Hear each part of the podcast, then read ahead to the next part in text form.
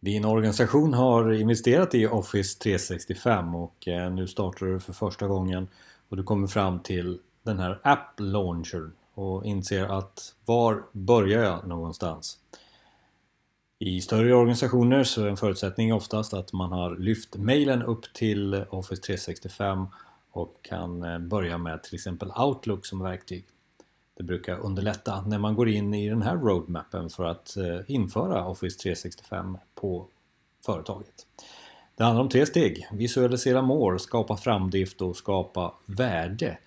Visualisera målet, det gör man tillsammans med ledningen som är projektgruppen för att hitta den här framgångsplanen för vad man ska använda sig av i Office 365.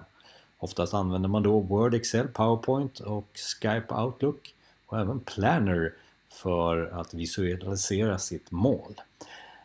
Steg två, skapa framdrift. Det är då man tar de här enklare projekten, oftast med de som eh, är framåt och kan väldigt mycket redan kanske inom datorer eller IT.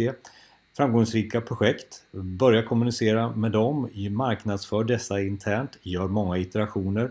Du får en framgångsfaktor som snurrar upp till den flera och fler projekt. Oftast så kastar du på några verktyg till från Office 365.